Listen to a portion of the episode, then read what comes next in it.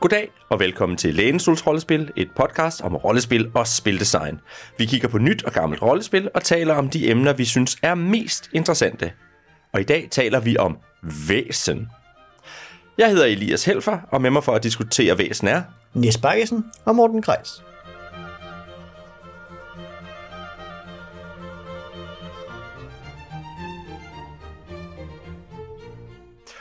Og, øh, og vi ville gerne have haft Oliver med. Han er desværre blevet syg i, i, i dagens anledning, så vi håber, han ligger derhjemme og, og knækker godt af os. Øhm, det kan være nisser, der er på spil. Det kan det være, ja. Øhm, men øh, det er jo en lidt, øh, lidt, lidt sjov størrelse, vi har, vi har med at gøre her. Øh, det er øh, Free League, som har kastet sig over at lave noget mytologisk rollespil, og det er der mange, der har været øh, ret øh, fascineret af, så det vil vi også lige kigge på. Men, men Morten, kan du ikke lige give os oprindelseshistorien til det her? Jo, øh, Johan Egerkrans, det er der, vi starter. Han er en kunstner, der har en fantastisk streg. Og han har en begejstring for monstre, der gør, at han har tegnet forskellige monstre, øh, drager, udøde osv., og udgivet bøger om dem. Og en af de ting, han øh, valgte at skrive om, det var folklorens væsener fra altså skandinavisk mytologi, eller ikke mytologi, men skandinavisk folklore, altså nisser og trolde og vandheste og så videre, så videre, så videre. Så alle de her væsener, vi, vi kender og elsker så godt, og som er alt for underrepræsenteret i, i rollespil. I hvert fald følge mig. øh, den udgiver han så i 2019. Øh, nej, så 2017, og så er det, at Frie Ligaen er, nu er Sverige jo ikke større end som det er, så de øh, får, de har kontakt til ham på den ene eller den anden måde, og bliver enige med sig selv om, at der skal der laves et rollespil over væsen, ligesom de gjorde med øh, uh, Tales from Loop, hvor de jo også gik til, uh, til kunstneren bag Tales from Loop-bøgerne og sagde, hvad så, skal vi ikke lave et rollespil over det? Og det er jo så det, de også har gjort med Johan Erkranses uh, væsen, at de simpelthen satte sig ned og lavet et rollespil over det, taget deres engine, uh, Year Zero engine, som de jo udviklede i forbindelse med uh, Mutant Year Zero-rollespillet, og sidenhen Coriolis, Aliens, etc., etc., og så kick, sætter de en Kickstarter op efteråret 2019, der så resulterer i udgivelsen af grundbogen, plus en scenariebog, plus et øh, ekstra dir og så videre, en limited edition, deluxe edition og sådan nogle ting, der øh, udkommer 2020. Og så øh, et års tid senere, godt og vel følger det op med endnu en Kickstarter, som jo så bringer os øh, Mythic øh, Britain and Ireland, plus endnu en scenariebog, som udkommer sommeren 2022 det er sådan set der, vi er lige nu med øh, udgivelser og historik for væsen. Jeg synes næsten, det skal med i den oprindelige historie. En af grundene til, at Egerkrans er så glad for monstre, det er, at han er vokset op med monsterbøgerne fra Drager og Dæmoner. Ja, det er øh, rigtigt. Som vi jo har lavet en episode over. Ja. Drager og Dæmoner. Ej, har vi det? Jo, det har vi jo. Vi har haft monsterbogen oppe som en favoritbog, mener jeg. Ah, på den måde, ja. Øhm, og så kan man sige, at, at de, mange af de billeder fra Drager og Dæmoner, som jeg forstår det, gjorde jo igen i Forbidden Lands. Præcis. Ja. Lige så, præcis. så artwork, det kan man... Øh, det kan man øh, det har været en drivende faktor for meget fri, frie liga. Lige præcis. Og for øvrigt har de jo så lige kickstartet en ny udgave af Drager og Dæmoner. Yes. Godt. Men, øh, men nu er det ikke Drager og Dæmoner, vi skal snakke om i dag. Nis, hvad er væsen for noget? Jamen, pitchen til det her er jo så, øhm, okay, vi, vi skal bruge de her væsener til et eller andet, øhm, og så er der jo en veletableret genre i øh, øh, rollespil, som er øh, Supernatural Investigation. Mi, øh, klassisk karakteriseret ved Call of Cthulhu, hvor man undersøger øh, ja, H.P. Lovecrafts øh, ja, mindbending mythos, og her tager man så lidt den samme idé og siger, hvad nu hvis vi har nogle investigators, der er ude og efterforske nisser og nykker og øh, heldheste og den slags. Um, og mere præcist, så har man lavet sådan et, et hemmeligt selskab, så vi får lidt sådan, øh, ja, øh, 1800-tallets Delta Green, øh, for nu at blive i Call-referencerne, øh, som er ude og kigge på og, for, og forklare, hvorfor jernbanen ikke kan køre og den slags. Yes. Og, øh, og så kan jeg jo sige, at øh, den bog, vi sidder med, og nu har både Morten og jeg taget den med, og det, det er så ikke den almindelige udgave. Ja, det er standardudgaven. Og, og, og man kan godt blive, for, øh, blive i tvivl, for det er faktisk en rigtig lækker bog.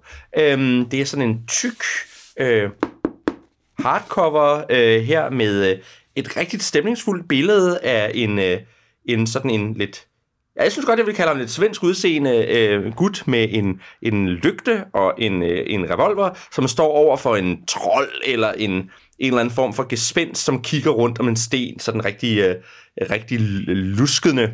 Øhm, og jeg, øh, jeg, jeg ved ikke helt, hvem jeg vil sætte mine penge på der. Han, han er i hvert fald øh, ude, hvor han er ude mod øh, noget ret øh, drabeligt her. Anyway, øh, og, og det er jo helt, i det hele taget det, der er ved den her bog, at der er fyldt med lækre, lækre, men også meget, øh, hvad, sådan, hvad hedder sådan noget, øh, ildevarslende billeder. Ikke? Altså, nu kigger jeg på sådan et, et billede af en lille øh, sådan å-pige her, men jeg er ikke sikker på, om hun ville lege med mig, eller om hun ville spise mig. Altså, og, øh, så, så, så artworket er helt sikkert en del af, af det, der, der, der tiltrækker øh, her. Det er rigtig godt. Man kan også se noget inspiration fra John Bauer, blandt andet uh, i nogle af troldene og ja. skovlandskaberne. Man kan se, uh, hvor Eakrans har noget af sin inspiration fra. Så, så hvis man ikke kan forestille sig uh, Eakrans' streg, så kan man i hvert fald forestille sig John Bauer. Jeg, jeg vil også sige, der, der er lidt uh, deterrity over det. Vil jeg, nu ved jeg ikke, om, om Oliver sidder derhjemme og råber af mig, når jeg siger det, men, men det er lidt også sådan den der måde at bruge farver på, og de der sådan lidt fortegnede mennesker, der er øh, meget, øh, meget stemningsfulde. Og det, så, det veksler sig lidt imellem at være farveillustrationer og så sådan noget øh, øh, gråtoner. Tegninger. Ja, blyantstegninger, ikke? Ja, lige præcis. Ikke? Så er der også nogle, rundt omkring nogle, sådan nogle små vignetter, der, jeg ved ikke helt, om det er noget, han har tegnet, eller om det er nogle historiske små vignetter, de har fundet, som er i mange af deres... Øh, de har sådan løbende sådan nogle øh, tekstbokse, hvor der er øh, rim og ramser, som, som jeg tror nok, det er nogen, de har oversat, men jeg, der er mange af dem, altså, jeg kan ikke genkende dem, og jeg kan ikke helt gennemskue, hvad det skulle have heddet på, øh, på, på svensk, eller dansk, eller norsk. Ja. Men altså, der er mange, de, de løber sådan igennem, hele vejen igennem, hvor der er de her øh, bidder af folklore, eller vers, eller ting og sager.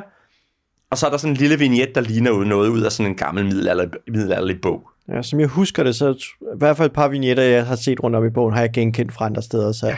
så jeg så, tror, det er sådan... Det er historiske ja. vignetter, ja. Nå, anyway, Øh, bogen er så delt op i, jeg mener, det er 10 kapitler. Øh, sådan meget standard, en introduktion. Øh, så laver man spillerkarakterer. Så er der øh, et afsnit om skills og om talenter. Øh, konflikt og, øh, og, og skade. Øh, så kommer der et, et kapitel om The Society og hovedkvarter, det hovedkvarter på slottet, øh, hvad hedder det, Gyld, Gylden, Gylden Krans, ikke? Gylden Kreuz, det er sådan der, ja. Øh, så er der et, et setting-kapitel, Øh, så kommer der noget om forskellige væsener, hvordan man laver sin egne væsen, men også nogle eksempler på væsener, hvordan man laver et scenarie, og så til sidst noget, er der et, et intro-scenarie, eller et, et eksempelscenarie. Øh, og, det er, øh, og det er sådan opbygningen af bogen. Øhm, og den er så været 214 sider-agtig, eller sådan noget. Den ikke? Så det er sådan en... Og det er jo en... Det må være fire format cirka, ikke? Så det er sådan en, en god, tyk bog i cirka format som sådan en White Wolf-bog, ikke? Jo, og en ting, jeg også synes er værd at nævne, det er papiret. Ja, det er det er jo et, et, altså det er jo lækkert røre Det er jo ikke almindeligt glittet papir, det er ikke almindeligt hvidt papir. Det er noget tykt guldnet øh, papir, som jo gør nærmest, at bogen er et artefakt fra ens 1800-tals kollektion af bøger. Så, så, så det er igen, altså, det er hele vejen ned til valget af papir, der ligesom former lækkerheden i den her bog, og den obligatoriske læsesnor, der jo så også følger med. Ja, helt sikkert. Øh, og der, man kan også sige, at hver kapitel starter med noget, der ligner, øh, eller jeg ved ikke, om det er, eller om det bare er en håndskriftsfont. Jeg vil så sige, jeg, jeg har faktisk lidt svært ved at læse det, så, så, så, øh, så, så jeg kigger på det og siger, ja, det ser pænt ud, men jeg gider ikke læse det, der står der, fordi det er faktisk for, for, lidt for snirket, så det ved jeg ikke, om det var... Yeah. Men det er sådan et stykke stemningstekst. Ja, det er sådan et stykke stemningstekst, ja, lige ja. præcis. Flere af dem skal forestille at være uddrag af Carl Linnaeus øh, der, ja. notater og dagbøger. Ja, ja. lige præcis.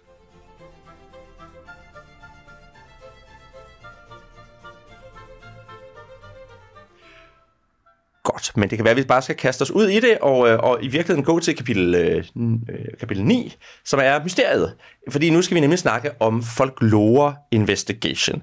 Fordi man kan sige, at øh, de fleste rollespillere, øh, hvis ikke man, man er opvokset stort set på øh, D&D, så har man været udsat for investigation.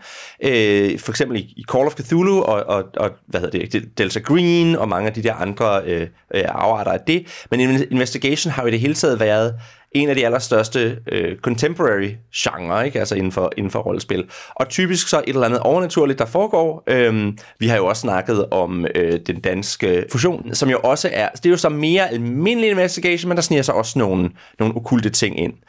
Og her har man så sagt, at i stedet for, at det er djævler og dæmoner, eller cthulhuide monstre, så er det væsener fra nordisk mytologi, der, der så forsager et eller andet rundt omkring i øh, Danmark, Sverige, Norge og Finland i 1800-tallet. Øh, og det man så gør, det er, at man spiller de her folk, som har de her torsdagsbørn, der øh, kan se de her væsener, som så, og som så derfor drager ud for at se, hvad der er der på spil, og se, om ikke de kan løse den her, øh, den her, den her, det her issue, øh, enten ved at bortmane det, eller måske ved at løse, hvad det så er pro- problemet er. Ikke? Så det er ligesom det, der er øh, sådan udgangspunktet for et, et scenarie. Ja, og, og så tænker jeg måske, at den skarpe, øh, skarpe lytter vil jo bemærke, at vi har ignoreret at diskutere om regelsystemet her. Øhm, og det er jo fordi, det er jo et Year Zero Engine system, yeah. som vi allerede har dækket både i vores episode om Tales from the Loop og Coriolis og Forbidden Lands og så videre og Alien. Uh, og det er samme engine, den er omtrent næsten lige så simpel som i Tales from the Loop. Der er lige nogle enkelte talenter eller special yeah. powers, så, eller ikke powers, men bare talenter, uh, evner, som karaktererne har. Og så ellers så er det et Year Zero Engine system. Og så, Ja, du, ja. Øh, du tager en evne og en, og en, og en skill, ruller så mange til sekser, har du en eller flere sekser, så har du succes. Ja. Så kan du rulle, få lov til at rulle om, hvis du tager en skade. Lige præcis. Ja. Jo, jeg tror måske, hvis vi skal lige, nu vi er ved, ved mekanikkerne, til lige blive lidt ved dem, så noget af det, der ellers, synes jeg, har karakteriseret lidt nogle af de forskellige Zero, det er, at den der, man har altid en mulighed for at rerolle, når man slår, som de kalder at pushe øh, i den engelske udgave af systemerne. Um, og f- efter min mening, noget af det, nu, det, det deres gode Year Zero Engine systemer gør godt, det er ligesom at integrere den der pushing-mekanik i den tematik, de gerne vil, øh, vil sælge. Så i Coriolis for eksempel, der, når man pusher, så, trækker, så involverer det også ligesom på en eller anden måde en bønd, til, øh, som involverer mørket mellem stjernerne og sådan nogle ting. Altså. Og når man i øh, øh, Tales from the Loop pusher, så øh, er det, hvad hedder det... Øh, øh, så trækker man på de der øh, sådan sin børneartefakt øh, af en eller anden, altså, og, og man recover ligesom for det her pushing ved at gå ned i hulen og, og få det bedre igen og sådan noget. Så, så der trækker vi på det her med at være børn. Og, øhm, og hvad hedder det, men både det her og øh, Forbidden Lands, ja. øhm, altså der er det ligesom i en eller anden forstand, at man tager skade, og det synes jeg tematisk set passer meget godt i Forbidden Lands, men her synes jeg måske godt, at man kunne have fundet et eller andet, der sådan ligesom havde... Øh, altså, at det havde mere at gøre med, at man havde åbnet sig over for, øh, for folkloristisk indflydelse, eller at man ligesom øh, måtte love et eller andet til nissen, eller noget i den stil, for ligesom at, øh, at pushe noget. Ikke? Altså, at det, at det var ikke nødvendigvis den ting, man var op imod lige nu, men, men så var det ligesom sådan, okay, så måtte man gøre noget ved sådan alle de andre ånder, der også er. Uh, ikke? at, at så, okay, ja, vi, vi pusher den her, men til gengæld så ved vi godt, at så skal man altså lige tage og uh, gå ud og smide noget i brønden, eller uh, sætte noget grød ud til. Altså, at det ville ligesom have været en dybere integration af det, som jeg synes er noget af det, de uh, systemisk gør. Det er ikke, fordi det virker skidt, det er bare sådan en lidt, nå okay, det kunne man have brugt, man kunne have lavet det her Det er en lille smule fæsen, ikke? condition system i et vilkårligt. Ja, Uh, helt sikkert. Ja. Ja. Til gengæld synes jeg så, deres element med basebygning, fordi det er jo også en Year Zero Engine ting, at man bygger base, og her har man slottet Gy- Gyldenkreuz, som fungerer som ens base, hvor man så får nogle point, som man bruger til at købe faciliteter til, som så giver adgang til forskellige former for nærmest moves. Et move, hvor jeg kan hele nogle ting ved at spille en scene, hvor jeg sidder nede ved karpebassinet og kigger på karperne, der svømmer rundt, eller jeg finder det gamle galleri, hvor vi har øh, våbenskab, og så har jeg lige pludselig adgang til nye våben og sådan nogle ting, og jeg kan få kontakter, og jeg kan få personale, der også giver special, øh, sådan, spe- særlige træk og særlige ressourcer i spillet. Og det spiller jo også det spiller jo ind i, at der er en, en ret fast struktur for, hvordan et scenarie skal udspille sig. Ikke? Altså, i grundudgaven, så har, bor man på Gyldenkreuz-slottet i Uppsala, og så sker, der, så, så sker der det, at man måske har nogle indledende scener, hvor folk bare går rundt og har, har deres hverdag, og så får man en invitation til et mysterie, øh, og så har man noget tid, hvor man kan forberede sig der i Uppsala, og måske gå ud og finde spor i Uppsala. Der er nogle forskellige steder, man kan gå hen. Man kan også gå på for eksempel biblioteket på slottet, eller der kan være andre, der, man kan bygge andre steder, der kan tillade en at få nogle, nogle spor på slottet. Så rejser man ud til, øh, til der, hvor man så skal være, og så rejser man, går man rundt der og, og ligesom får flere spor, indtil man ved, hvad der, er, der foregår, og så går man ud og har en konfrontation med det her væsen, og så, har man en, en, så rejser man tilbage til slottet, hvor man så har nogle spørgsmål, som giver en XP. Det er sådan, det er lagt op som standard, ikke? At, man skal, at man skal gøre sådan i Ja. nogenlunde. Ikke? Jo.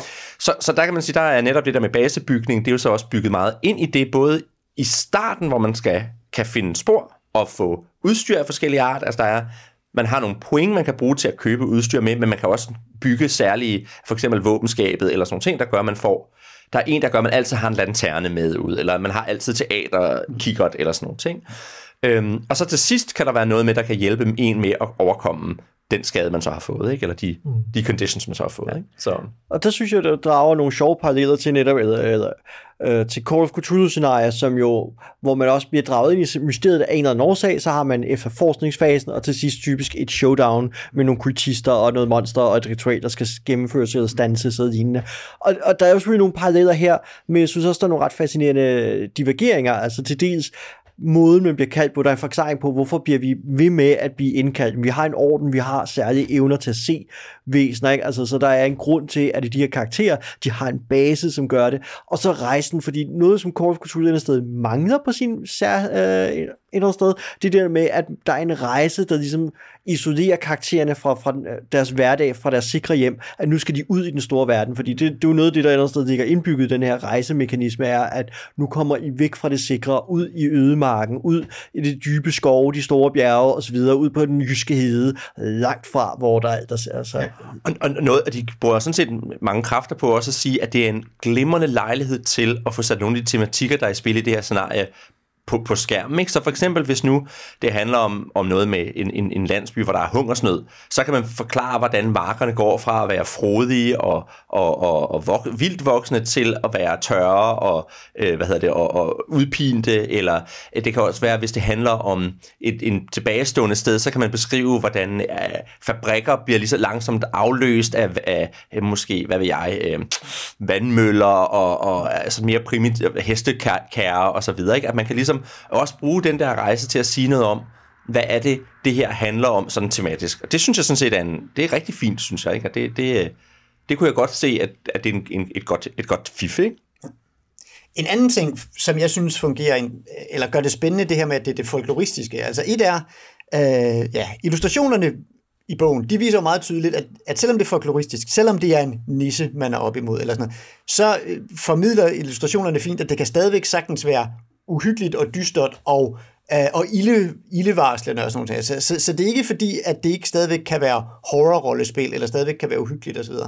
Men omvendt er det jo netop folklore, så det er ligesom sådan alle folks eje og sådan nogle ting. Altså, altså hvor et klassisk øh, call-scenarie, der, der, der skal, øh, hvad kan man sige, horroren på en eller anden måde være skjult, og kultisterne være, øh, være sådan helt fordægte omkring alt, hvad der foregår. Så der, altså, så der er ligesom lag, man skal skrabe af, før man kan komme i gang med at kigge på det overnaturlige. Så her er det egentlig helt legitimt, at man nærmest helt fra starten kan komme ud og få at vide, jamen grunden til, at jernbanen det er der, fordi nisserne ikke gør noget ved det.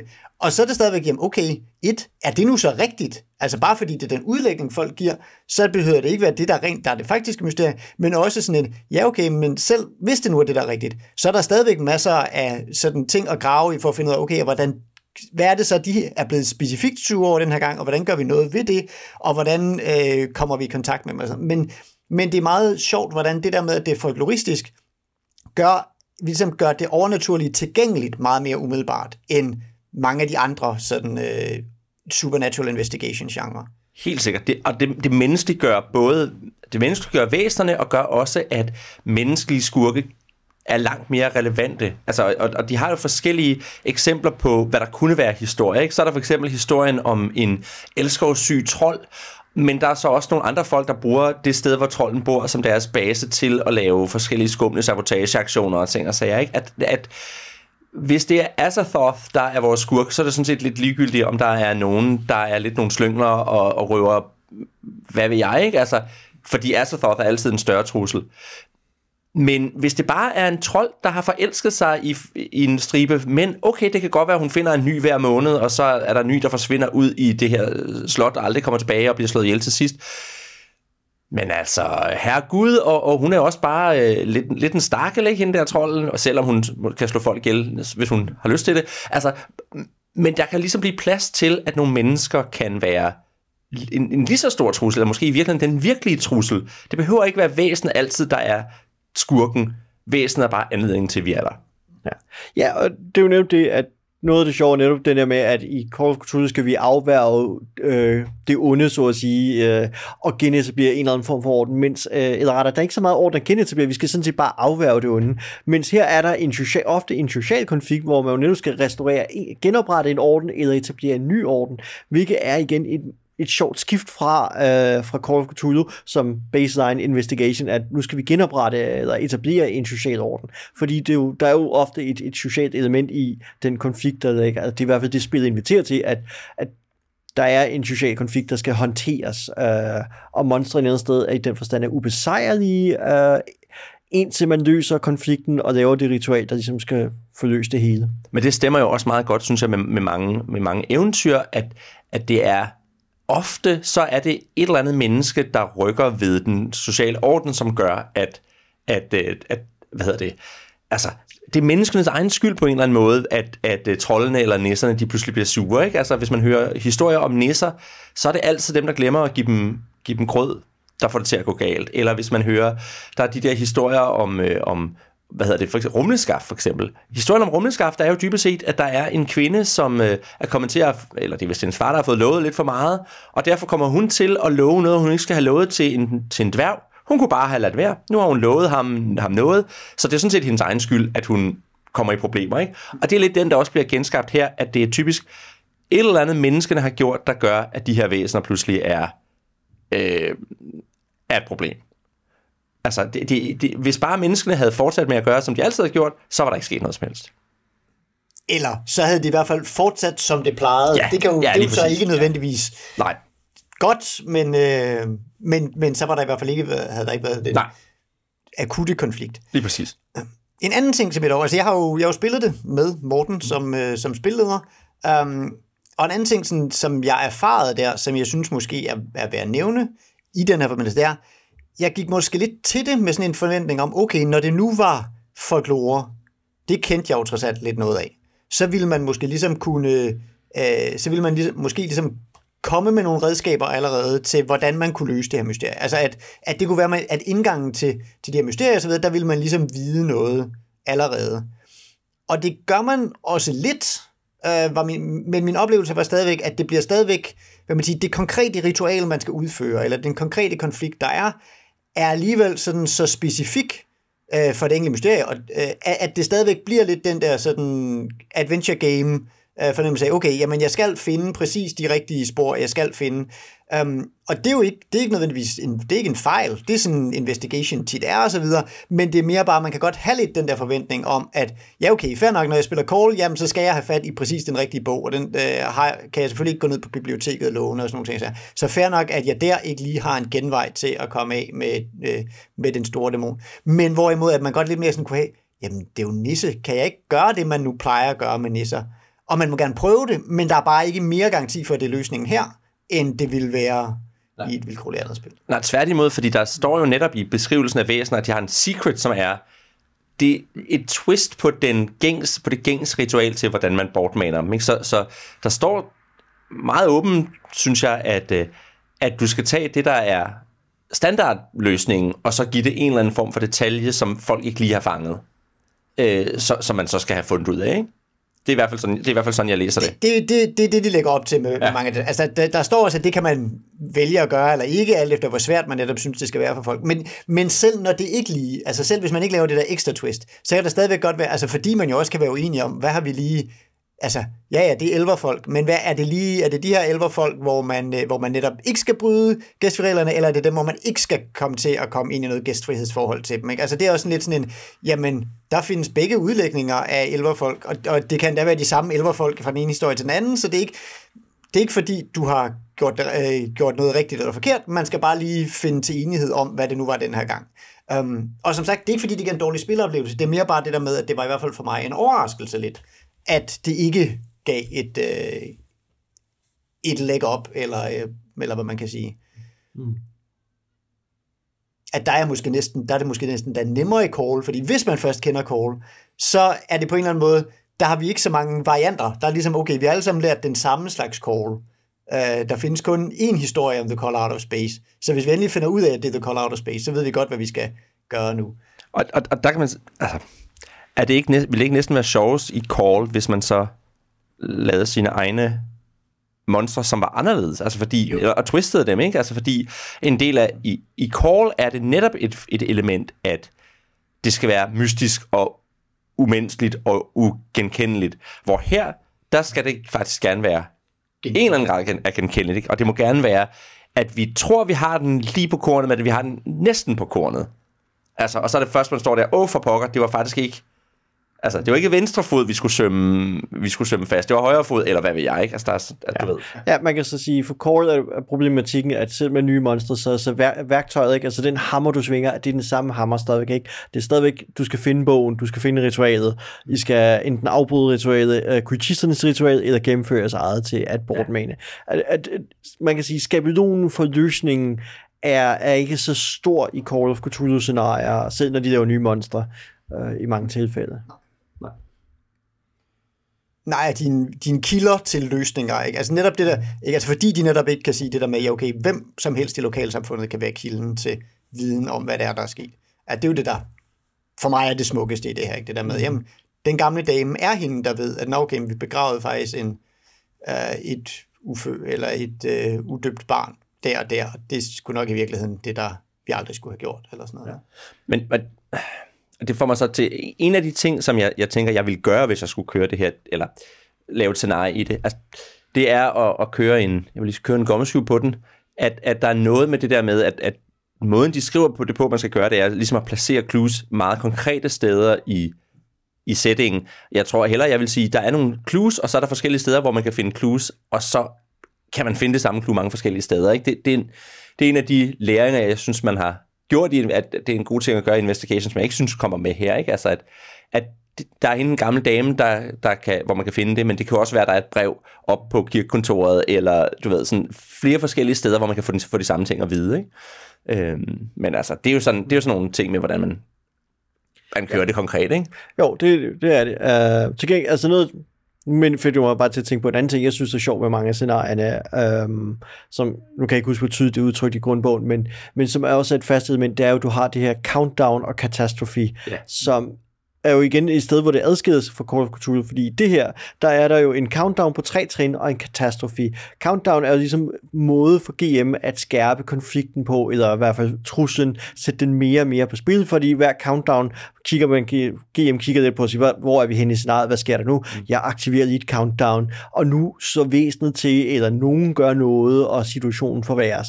Og katastrofe er jo så, den konsekvens, der er, hvis øh, karaktererne ikke klarer scenariet, eller i hvert fald ikke klarer det optimalt, så kommer katastrofier. det kan være, at hele egen rammes af hungersnød, og tusindvis af mennesker omkommer af sult. Uh, og, og det synes jeg er sjovt, fordi at i Call of Cthulhu scenarie har ikke den form for uh, res, responsivt uh, element med countdowns. Der er ikke sådan så meget, altså NPC'er bliver stående, hvor de er, de venter på, at man kommer hen og spørger dem. Uh, Ja, og i hvert, fald, ja. altså, i hvert fald, de kan aldrig rigtig lade katastrofen ske. Vel? Nej, og, og fordi det, den er altid så truende. Ja.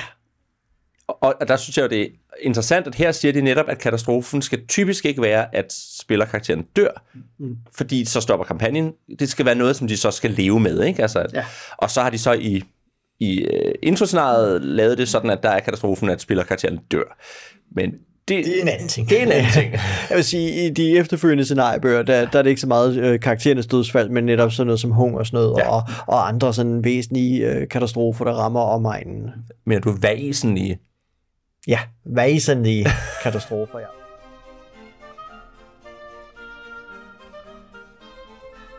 Det bringer os jo videre til, at, øh, at vi, øh, vi også skal snakke lidt om, hvad det er for en verden, det her det er sat i. Fordi øh, øh, NIS, hvad, hvornår, er, hvornår er det der, det er sat? Jamen, det er jo... Ja, og nu kommer vi lidt til en af mine kæpheste. Det er sat i 1800-tallet i Skandinavien. Så et eller andet sted der i øh, mellem øh, ja, 1800 og 1900. Det kan åbenbart være et fedt og det samme. Um, og hvad man siger, jeg kan godt... Indgangsvinkelen er jo, at det, det skal ikke være et strengt historisk rollespil. Det er ikke vildt vigtigt øh, præcis hvad, men Øh, omvendt har vi valgt det her, fordi det er sådan en brydningstid. Det var en periode, hvor øh, øh, industrialisering og liberalisering og alt muligt andet gik, så, så der var der, der skete mange ting med, med, med, med ja, de europæiske samfund på det her tidspunkt, um, også, i, øh, også i Skandinavien. Um, så, øh, øh, men omvendt var det også en periode, hvor jamen, den her folkloristik var stadigvæk allemands eje. Øhm, så, så det giver mening ligesom at sige, okay, jamen, vi kan faktisk godt komme, tage jernbanen ud et sted, hvor folk stadigvæk tror på nisser. Øhm, øh, altså, så på den måde kan jeg overordnet godt se valget.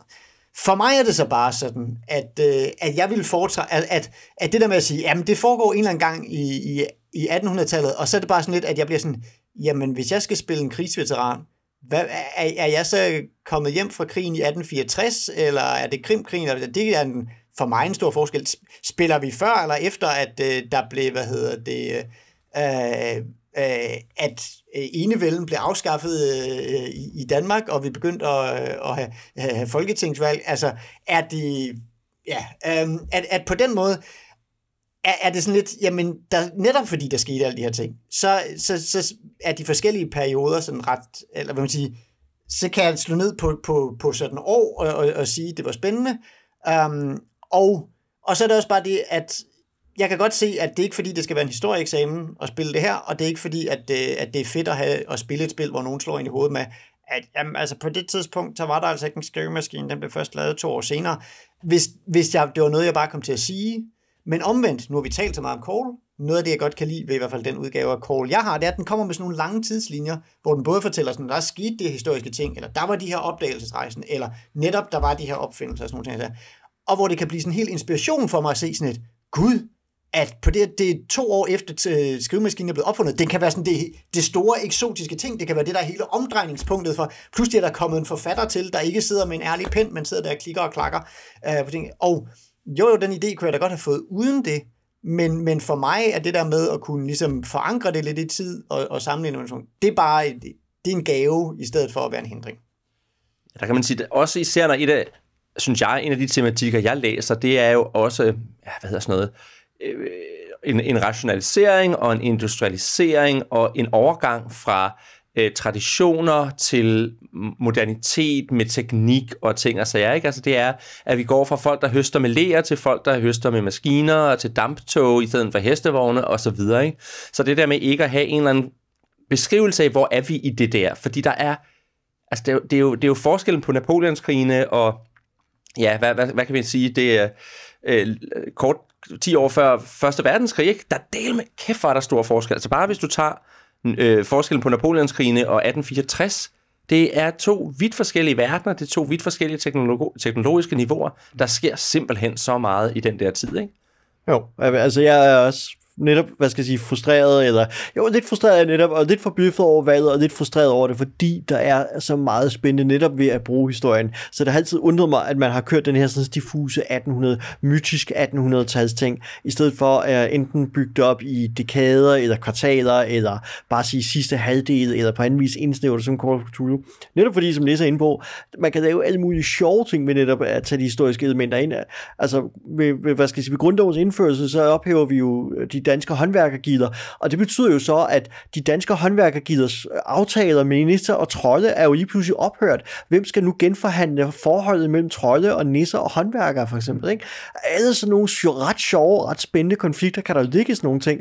Men de forsvinder lidt, fordi man jo fordi det jo på den ene side netop siger, jamen I har fri, I har fri leg i 1800-tallet, men så ryger også den der med, hvordan kan vi så den ene episode beskæftige os med grundlovens indførsel, men næste gang have Napoleonskrigene, og næste gang igen have øh, øh noget, øh, hvad skal jeg sige, krigen mellem Frankrig og, og Tyskland i 1871. Ved, Ikke? Altså, det er sådan lidt, hvordan kan vi hoppe frem og tilbage? Jeg kan jo ikke hoppe frem og tilbage. Lige snart jeg kommer til at nævne en historisk begivenhed eller et eller andet sted forankre spillet, så er jeg jo nødt til at spille ud fra den tidsperiode alligevel.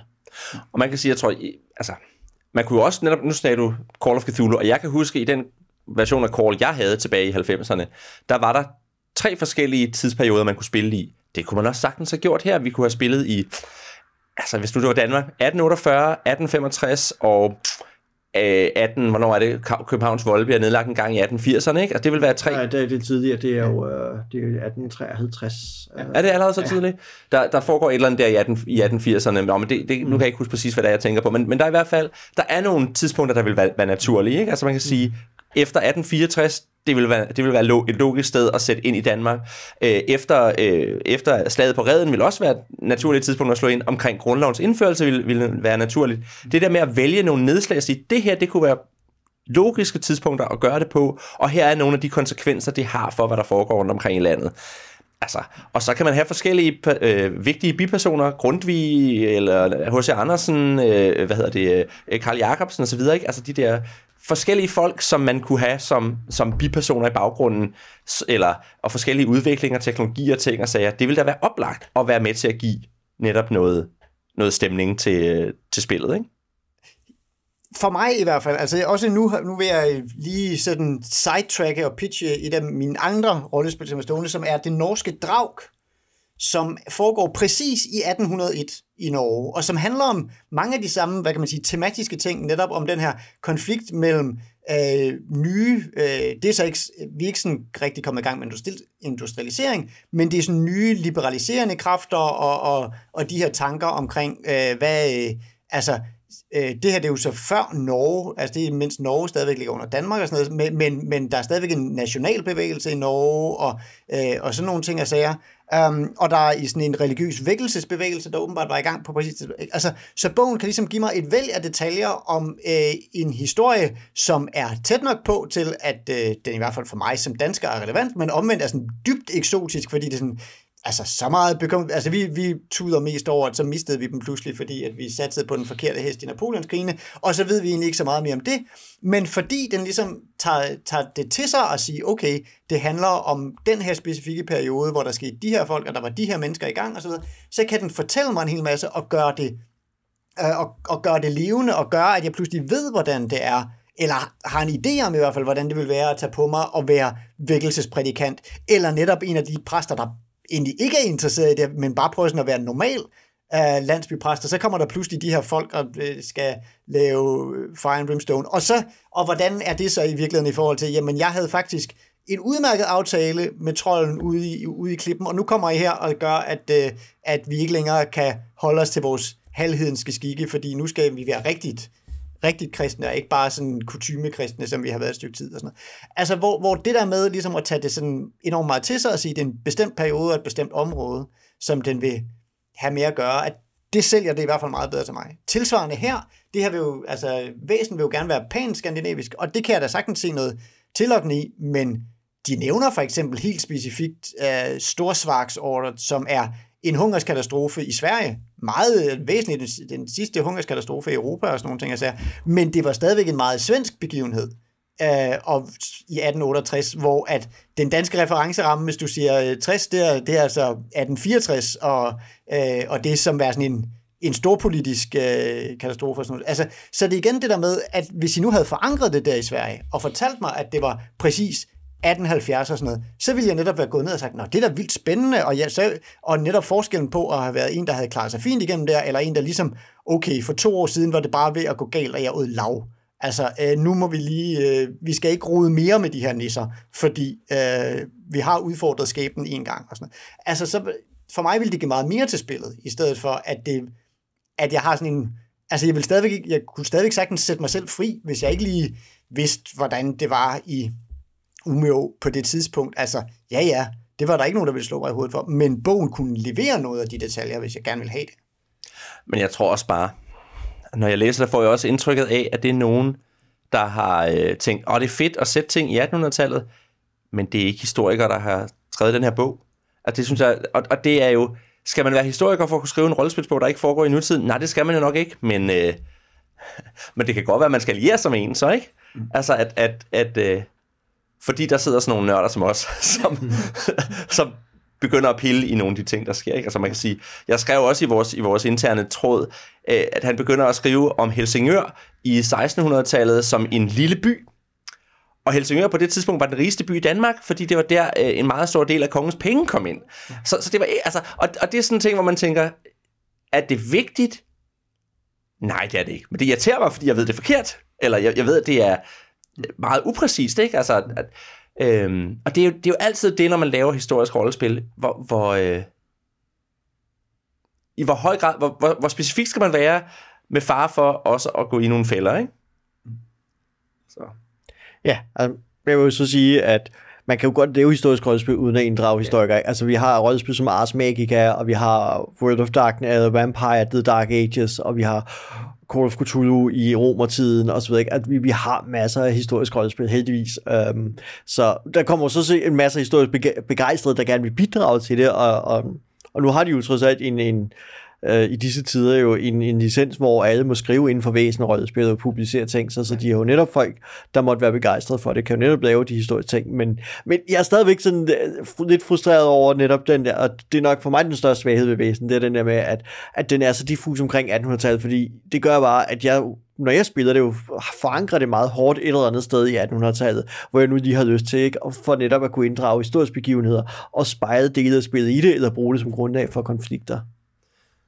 Men det er jo så også lidt sjovt, for nu er, vi, nu er det ikke så lang tid siden, vi har snakket om, øh, om øh, øh, Pendragon, som jo er meget diffus også i sin, i sin historicitet, ikke? Eller som, som jo, fordi Arthur ja. er, så, er så diffus også, ikke? Som er i sådan en mytisk jo, men Arthur den, eller, ikke? Men den er det på, altså på en eller anden måde er den det, i stedet for at sige, jamen det kan du selv vælge, så siger den, nej nej, vi har valgt, at det her er enormt diffust, og at vi har tænkt os at køre på Øh, 30 år har vi tænkt os at køre en, øh, hvad kan man sige, en kulturel udvikling, der spændte sig fra 800 til øh, 1500 eller sådan nogle ting, altså, og en teknologisk udvikling, der spændte fra 1100 til 1400 eller sådan noget. Og det har vi tænkt os at køre i en stor pælemele, fordi det var sådan, at de her øh, historier blev fortalt og skrevet og udviklet sig og sådan nogle ting. Altså. Så igen har det ligesom sådan, ja ja, det er, det er en stor rodebunke, men vi har struktureret den her rodebunke for dig, netop sådan så du som den, der går til Pendragon, ikke skal spekulere over, jamen hvad er det for noget Pendragon, vi er i gang med at fortælle, eller sådan noget.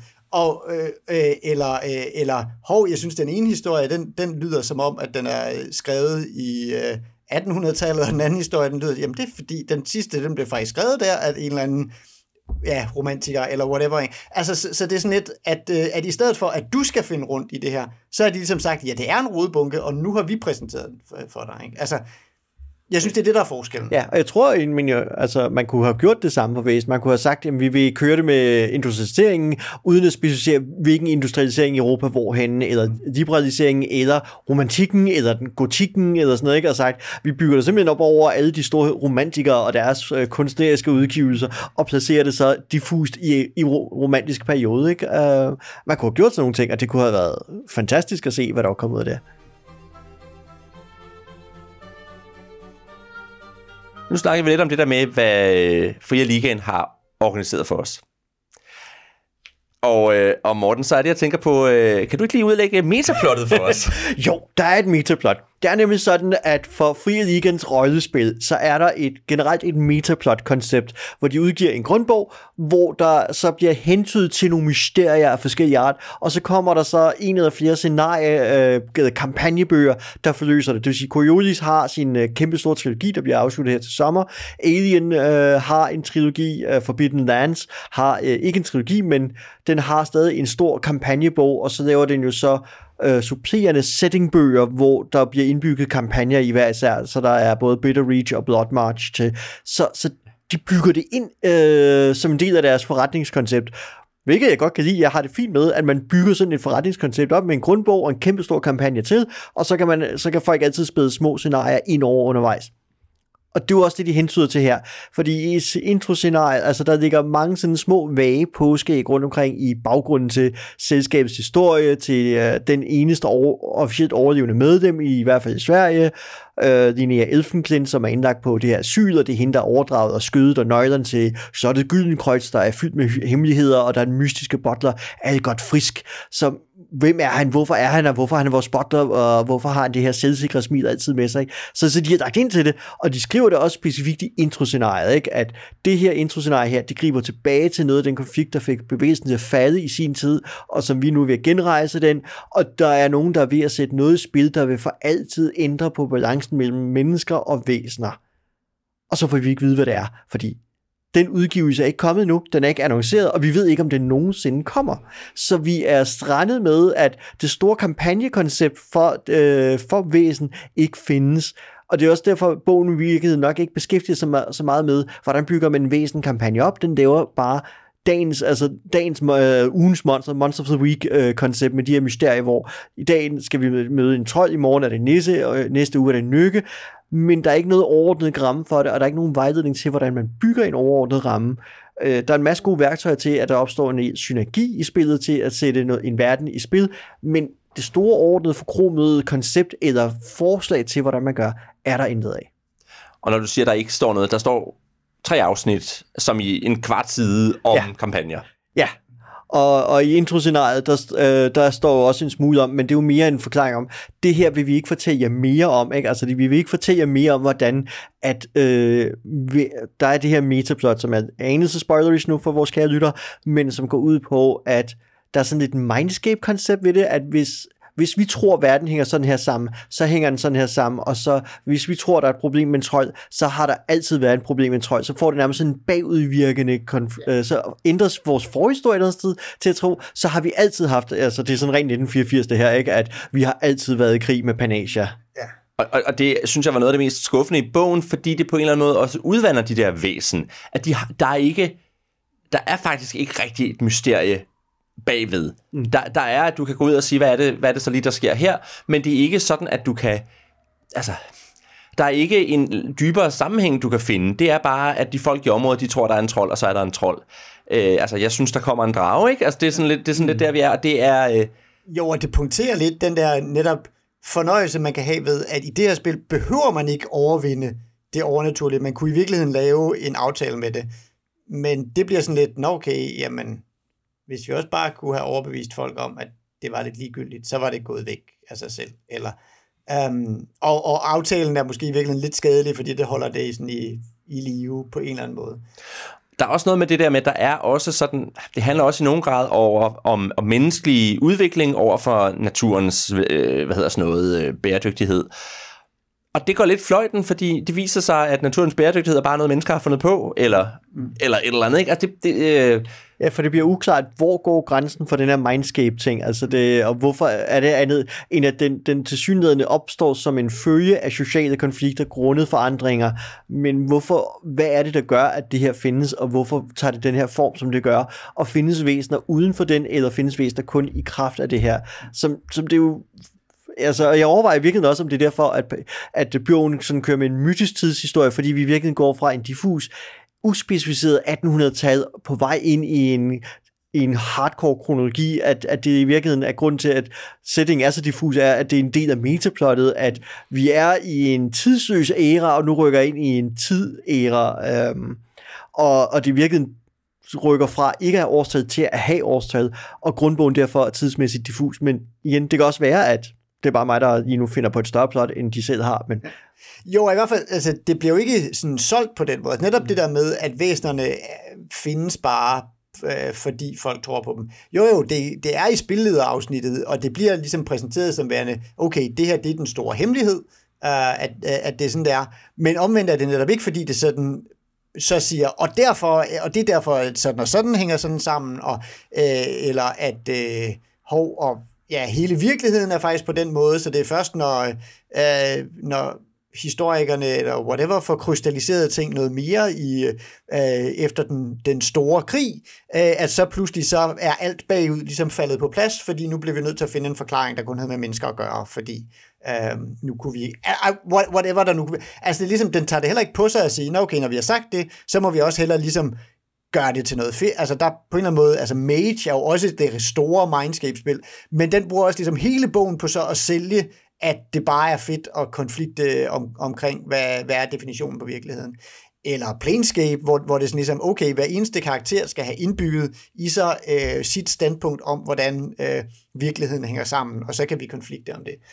Men der er også, og det clasher på en eller anden måde også med grundstrukturen i sådan et investigation-rollespil. Også i forhold til, at hvis det bare er en konsensus, hvorfor er det så ikke den oplagte løsning? Altså, hvorfor er der den der hemmelighed, hvor der er noget, som, som, som folkevis, som ikke lige fortæller mig? Ja. Fordi hvis det bare var Mindscape, så burde det være den løsning, der var flest, der mente, der, ville virke, der virkede. Men det er det så ikke. Så på den måde, altså, er der også noget der, der ikke helt hænger sammen, synes jeg. Øhm, Altså, plus at jeg tror også, i virkeligheden, hvis, hvis nu jeg skulle lave investigation, altså, der er en grund til, at Mage ikke typisk er et investigation-rollespil, fordi hvis man skal finde en sandhed, der så bare alligevel noget er lidt af noget, vi leger, det er også utilfredsstillende. Man vil gerne kunne finde det mysterie, der rent faktisk er der. Det er jo noget, det call kan, at der er en dybere hemmelighed gemt nede under facaden, øhm, som ikke bare er noget, vi leger. At, at der er noget, som man kan gå ud og finde ud af, og blive gal i processen, ikke? Så vi har faktisk ikke spoilet det for jer. Vi har fikset det for jer. Nu går I ikke i den fælde. Yep. Men det er jo i hvert fald også, og det, og det er jo også sjovt, du siger det der sammenligner med, med Coriolis og, og, og, øh, og Forbidden Lands og, øh, og Tales from the Loop og alle de der andre som uh, Fria, Fria Ligaen-spil, vi har, vi har kigget på.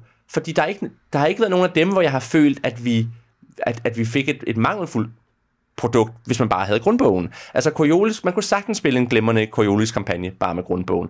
Og Forbidden Lands i høj grad behøver man ikke Ravens Purge, som er kampagnen der. Man kan sagtens spille en fed kampagne bare med grundbogen. Men her, der føler jeg lidt, at jeg mangler noget. Altså, der er nogle ting, som jeg ikke får udlagt nok til, at jeg som spilleder ved, hvad det er, jeg har og, og, og marker med på en eller anden måde. Og der er ikke nogen hints til, hvordan man, man binder øhm, Monster of the Week episoder sammen til en tilfredsstillende kampagne. Det jeg kan med bogen i hånden, det er, at jeg kan lave en i øvrigt usammenhængende øh, øh serie af, hvad hedder det, af, af, af, af sager, man skal ud og udforske, og så kan vi tage tilbage og bygge vores borg. På en eller anden måde. Ikke? Og det, det kan også være sjovt, men, men, øh, men jeg føler ikke, at jeg får den fuld, det fulde udbytte ud af at bare have bogen. Øh. Nej, øh...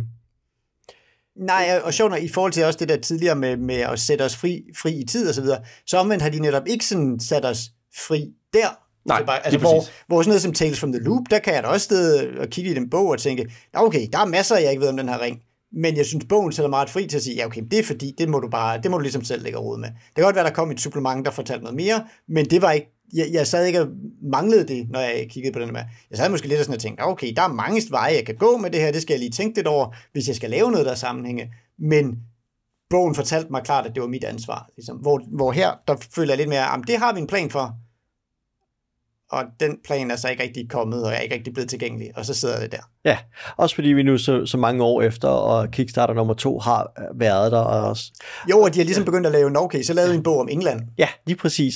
Okay. Som jo så ikke bygget videre på metaplottet, men netop øh, mere føltes som en placeholder. Nu havde de Graham Davis øh, fået fat i ham, og så skulle han skise med brus til at skrive noget mere.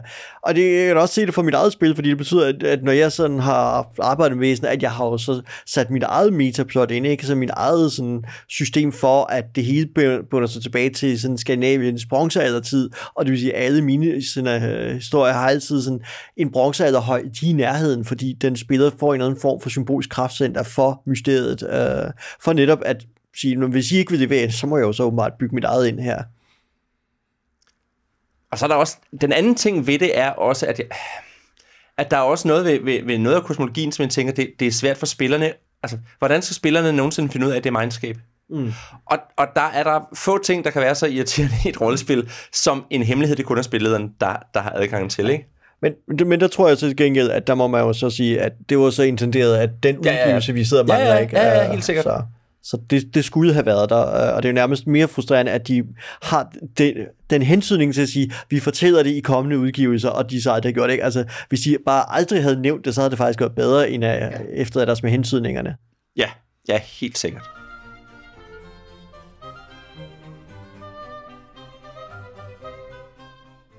Nå, nu har vi fået øh, kigget lidt rundt om den her bog. Vi har kigget lidt på, hvad det er for en, for en genre, det er, vi arbejder i. Vi har fået kigget lidt på den verden, og især den tidsalder, vi, øh, vi er i. Og så har vi kigget lidt på dens metaplot og dens manglende kampagnestruktur. Øhm, og nu kan nu I jo to, der har spillet det sammen, og du har også spillet lidt uden Nis, ja. Øh, Morten. Hvad, hvad, hvad synes I om det?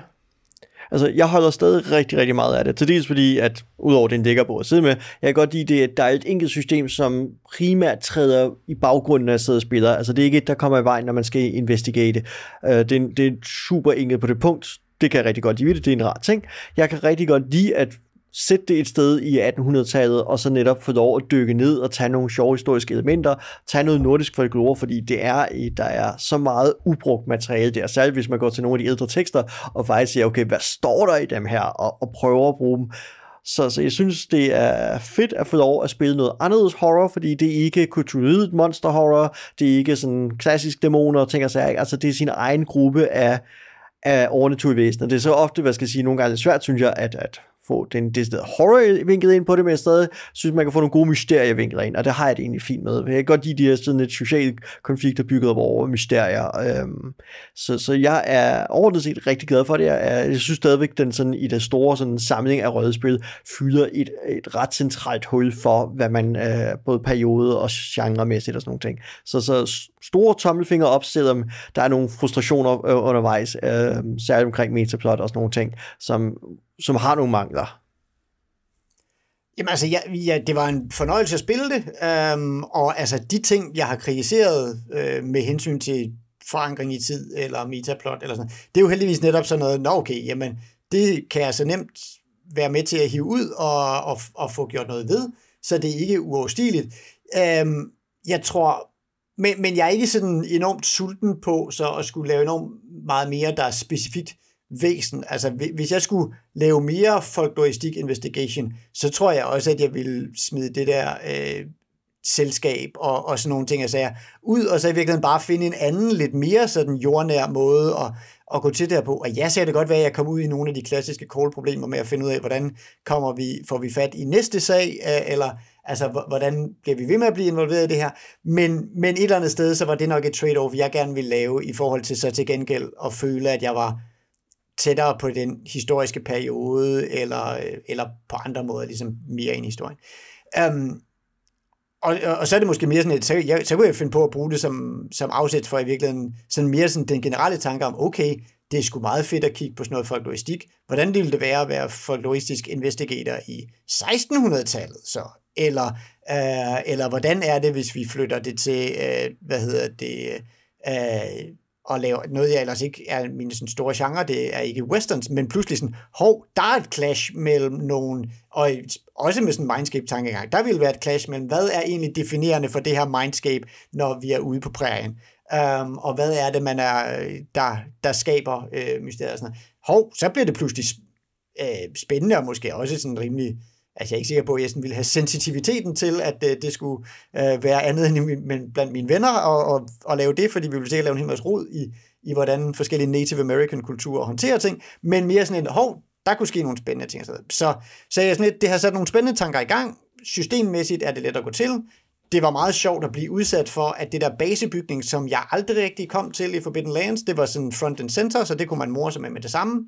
Og det virker faktisk fint i en kampagne sammen. Altså det, det var med det samme noget af det, der var sådan kittet mellem hvert afsnit. Og sådan, hov, nå, men så fik vi jo hende, pigen, med, som pludselig var øh, øh, øh, øh, arbejdsløs ude i den by, vi havde. Så kunne hun da komme hjem og arbejde hos os som tjenestepige. Eller, altså, at på den måde blev det også med til at binde sammen. Så der var masser af ting der, der fungerede fint. Men, jeg, men sådan væsen som sådan er lidt midt af. Klart. Jeg sidder og tænker, at det kunne være sjovt at, øh, at, at kaste folk som folklore, folkloreforsker. Det er jo en tid med, altså Brødrene Grimm skriver i 12-15, 1812-15 stykker, ikke? og der er Evald Tang Christensen og forskellige andre også i, i Danmark, ikke? så at sige, jamen I er folkloreforskere, der pludselig opdager, at der foregår mere end, hvad hedder sådan noget, mere end I havde, I havde givet ud for. Det her, det er, altså, da jeg først hørte om væsen, var jeg jo dybt charmeret af det. det og, og, og når man ser tegningerne, er det bare, altså man får lyst til at grave sig ned i det. Jeg synes, bogen, øh, bogen er fin. Jeg synes, øh, jeg synes ikke, det er den bedste af Fria Ligaens produkter, og jeg synes også, den lugter nogle steder lidt af, at den godt kunne have brugt en omgang redaktion mere. Altså for eksempel sådan nogle ting som, at de i starten af, af missionskapitlet skriver, at man altid skal tage øh, tingene i den samme orden, og så skriver de to sider senere, at nogle gange kan man jo veksle lidt på ordenen. Og der er flere af sådan nogle små ting, hvor jeg tænker, det kunne I godt have gjort noget, det kunne I godt lige have fikset. Også nu snakkede vi tidligere om det der med, at de skriver, at man skal helst ikke have, at katastrofen er, at spillerkaraktererne dør, og i det ene scenarie, der er med i bogen, der er det noget med, at spillerkarakteren der dør. Der, der er mange sådan nogle små ting, som irriterer mig lidt. Når det er så sagt, så synes jeg, at det er, øh, også det er, det virker for et, noget, der skal forestille at være horror, hyggeligt, eller, eller øh, jeg synes, det kunne være, det er charmerende, det er indbydende på en eller anden måde at, at begive sig ned i stadigvæk. Øhm, og jeg, jeg, jeg vil nok i virkeligheden hellere spille en kampagne i det her, end en, en kampagne i sådan noget Cthulhu-agtigt. Fordi Cthulhu netop altid, som vi også snakkede om tidligere, får den der sådan, at det bliver meget højdramatisk. Hvor her, der har du både noget super, noget overnaturligt, og du har noget, noget dagligdags, som blander sig på en rigtig, rigtig fin måde. Så på den måde er jeg, er jeg sådan lidt blandet omkring det. Men altså, jeg, jeg ender jo nok lidt samme sted som dig, ikke? hvor jeg kan tænke, ja, det er fint, og hvis der nogensinde er nogen, der kommer og siger, skal vi ikke spille væsen, så vil jeg ikke sige nej. Men jeg, jeg tror hurtigt, jeg kommer på noget andet, jeg så vil spille i stedet for. Ikke? Så.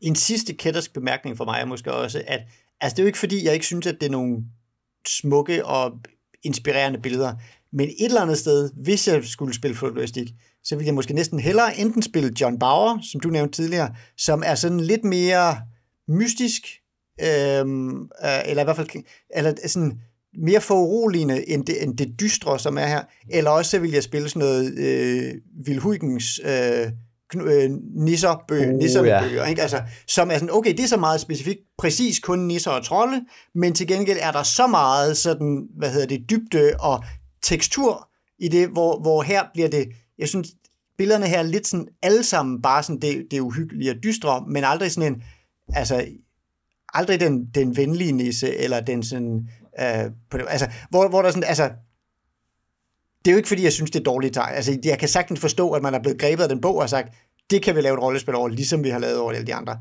Men, men når jeg nu kiggede og ser, at jeg har nogle andre ting at vælge, så er det sådan lidt, de kan også noget i hvert fald.